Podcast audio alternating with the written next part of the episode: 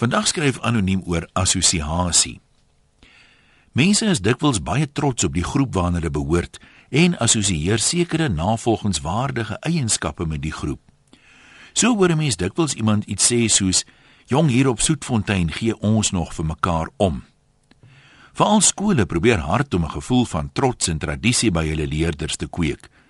Mense moet weet as jy 'n produk van die betrokke skool is, is jy 'n staatmaker wat nooit opgee nie of iemand in die steek sal laat nie. Betrokkenes assosieer trots met so 'n skool en ander mense stuur weer graag hulle kinders soontoe, al kos dit soms meer of dit is bietjie van 'n opoffering. Die teenoorgestelde is natuurlik ook waar. 'n Skool kry goue reputasie om die verkeerde redes ook. As leerders in die skooluniform hulle byvoorbeeld wangedra of sê nou maar met dwelms betrap word, dan is almal in die skool dadelik onder verdenking en die hele groep se reputasie ly daaronder. Die skool hoef dan die ouers gerus stel dat dit 'n geïsoleerde geval was en die leerders bymekaar roep en op die hart druk dat hulle 'n verantwoordelikheid het om die skool se waardes uit te leef. Nou geld dit ook vir Christene in kerke. So wonder my oom Annou wat hier by ons kuier vir Kersfees hardop toe hy lees van 'n TV-persoonlikheid wie se man glo buite egtelike verhouding gehad het, skaars 'n jaar nadat die glanshuwelik voltrek is. En oom Annou gaan voort. 'n Mens hoor en sien hoe hulle gedurig melding maak van hulle geloof en dit was vir my te mooi toe hulle selfs hulle huis gesalf het soos in die Ou Testament. Maar hoe ry dit dan nou?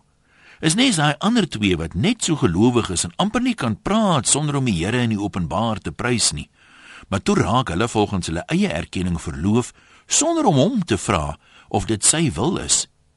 As dit op TV was, sou hulle dalk makliker onthou het. Besef hulle dan nie hoe maak hulle 'n bespotting van ons as Christene se reputasie nie? Ek herinner hom aanhou aan die standaard antwoord wat mense altyd hieroor gee. Om 'n Christen te word beteken nie jy's nou sonder sonde nie. Maar toe herinner hom aanhou my weer aan die voor die hand liggende vraag en hy sê: Nou hoekom sê sulke mense dan hulle is wedergebore as hulle geloof dieselfde vrot vrugte aanhou dra? Jy ken tog die boom aan sy vrugte, nie aan sy woorde nie. Hoe sal ons nou ander mense lus maak om ook Christene te word as 'n mens wat nog nooit eers in 'n kerk was nie, die 10 gebooie dan makliker onderhou as ons wat kastig daarin glo?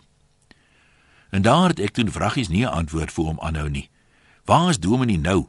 Daar's amper nooit Sondag nuwe gesigte in die kerk nie, en al hoe minder ou bekende gesigte. Kan dit wees omdat ons Christene se reputasie al so aan flarde is dat al hoe minder mense met ons wil assosieer? Dalk moet ons maar die Bybelversies en die haleluja's wat ons oral so rondgooi, self 'n bietjie begin toepas en uitleef of hoe. Groete van huis tot huis, anoniem.